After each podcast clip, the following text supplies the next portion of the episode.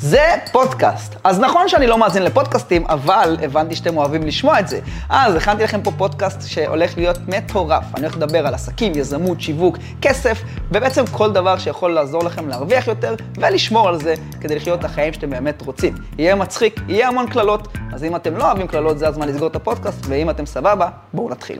בואו נדבר על למה בעלי עסקים קורסים כשהם מתחילים לגדול. והסיבה העיקרית לזה היא בגלל שבעל עסק בתחילת הדרך שלו הוא איש מקצוע. הוא איש מקצוע מעולה. זה לא משנה באיזה תחום, זה גנן, זה ספר, זה עורך וידאו, זה משווק דיגיטלי, זה מעצב גרפי, זה לא משנה מה, you name it. כשאתה מתחיל במקצוע שלך, אתה מתחיל להיות עצמאי, אתה איש מקצוע מצוין ואתה מביא לקוחות כי אתה איש מקצוע מעולה. ואז ההתעסקות שלך היא 95% במהלך היום בעבודה שלך, בפועל, בביצוע המשימות שאתה עושה כדי לתת את השירות או המוצר שאתה נותן, ו-5% עסק.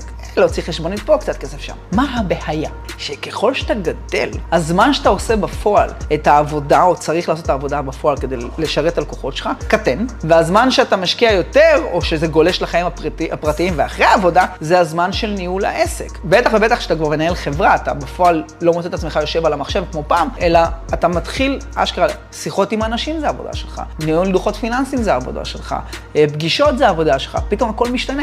מה שאתה עושה הכי טוב, מה שבנית איתו את העסק בשתי ידיים, אתה כבר לא עושה כמו בעבר. ואז למה בעלי עסקים קורסים בדיוק בנקודה הזאת?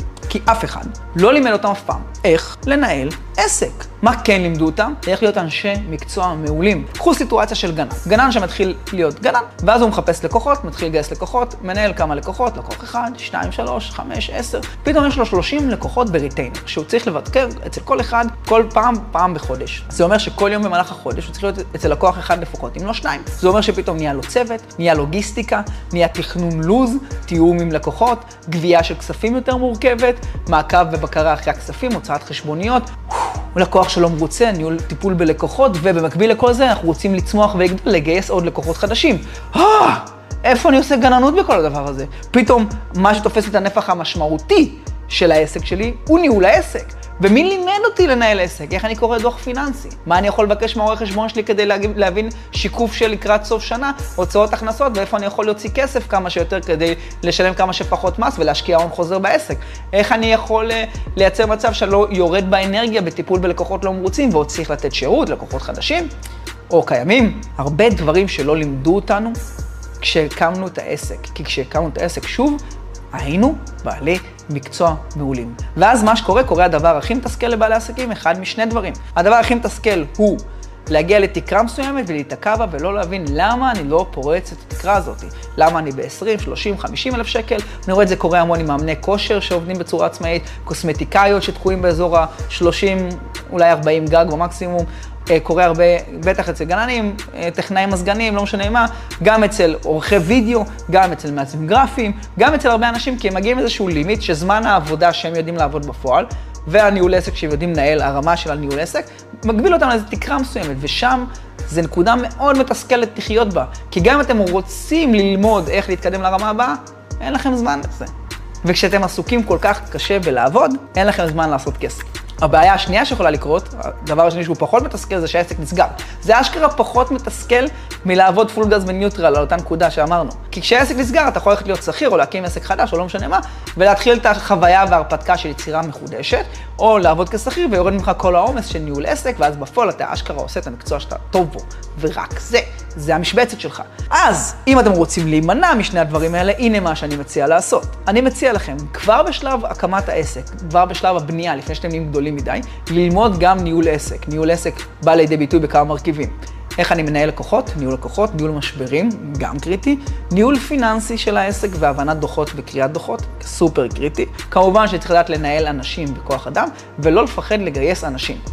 אוקיי? לא לפחד לגייס אנשים, ללמוד איך לגייס נכון ואיך לנהל אנשים זה סופר קריטי. למה זה סופר קריטי?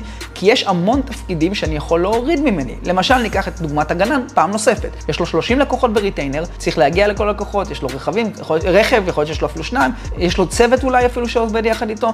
אז בוא נגיד והוא מוריד ממנו את כל התיאום עם הלקוחות, ואת כל הגביית אה, כספים מהלקוחות, וכל החשבוניות וכל החשבונאות מול הלקוחות.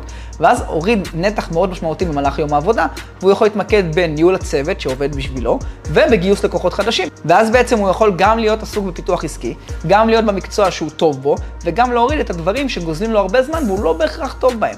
זה גם הרבה לדעת להוריד מהאגו, להגיד אני לא הכי טוב בהכל. אוקיי? יש אנשים יותר טובים ומוכשרים ממני שיעשו את העבודה יותר טוב ממני, כי אני שוב, אני בעל העסק, אבל אני לא המנהל הכי טוב, אני לא המנכ"ל הכי טוב, אז זה משהו שיכול לעזור לכם. תלמדו את המרכיבים האלה, ואז הצמיחה שלכם תהיה יותר בריאה ונכונה. סופר קריטי לקחת בחשבון גם, שדברים שעוזרים ל... בוא נגיד לעסקים מתחילים, בתחומים מסוימים זה גם שותפויות. אם אני יודע להיות ממש טוב כאיש מקצוע, אני יכול להביא שותף שהוא טוב ברמה הניהולית, ואז אני יכול להיות עסוק בפיתוח העסק ברמה הפיננסית, ברמה העסקית, אני הולך, עובד, מביא, נותן השירות, מביא את הלקוחות והכל, בזמן שהשותף שלי יודע לקחת את העסק ולהצמיח אותו, לטפל בכל ה-back office, להיות מאחורי הקלעים ולדאוג שהכל עובד כמו שצריך. מה שנקרא, אני מביא את הכסף, הוא דואג לכסף, שומר עליו, מנהל אותו כמו שצריך. אז מה שאנחנו צריכים לקחת בחשבון כשאנחנו מקימים עסק חדש, כדי להימנע מהטעויות האלה, זה שוב לזכור שאני לא רק רוצה להיות בעל מקצוע מעולה, אלא להיות בעל הבנה עסקית קצת יותר מבסיסית. יש כל מיני דרכים גם למנף את העסק מבלי לעבוד שעות נוספות, אלא על בסיס הקיים, ומה שחשוב להבין, שלהיות מוכנים לזה גם ברמת ה mindset. זאת אומרת, אני צריך להיות נכון ומוכן בהבנה שלי ובשל לזה, שיבוא היום שאני אעבוד פחות ואנהל יותר. ואם אני לא אוהב לנהל, להיות נכון להביא מנהל שינהל במקומי. לא תעשו את זה, קריסה של העסק או עמידה במקום, סטטיות מתסכלת, שאתם לא מבינים מה אני עושה לא בסדר. זה עד כאן ברמת ניהול עסקים, צמיחה של עסק ואיך אפשר להימנע מהטעויות הנפוצות. שיהיה לכם המון בהצלחה ותמיד תזכרו שמתחת לסרטונים שלי, גם מתחת לסרטון הזה, תמצאו עוד הדרכות נוספות בחינם שיכולים לעזור לכם ולעסק שלכם להביא יותר לקוחות, לייצר יותר כסף ולצמוח. שיהיה לכם המון בהצלחה, נתראה בהמשך.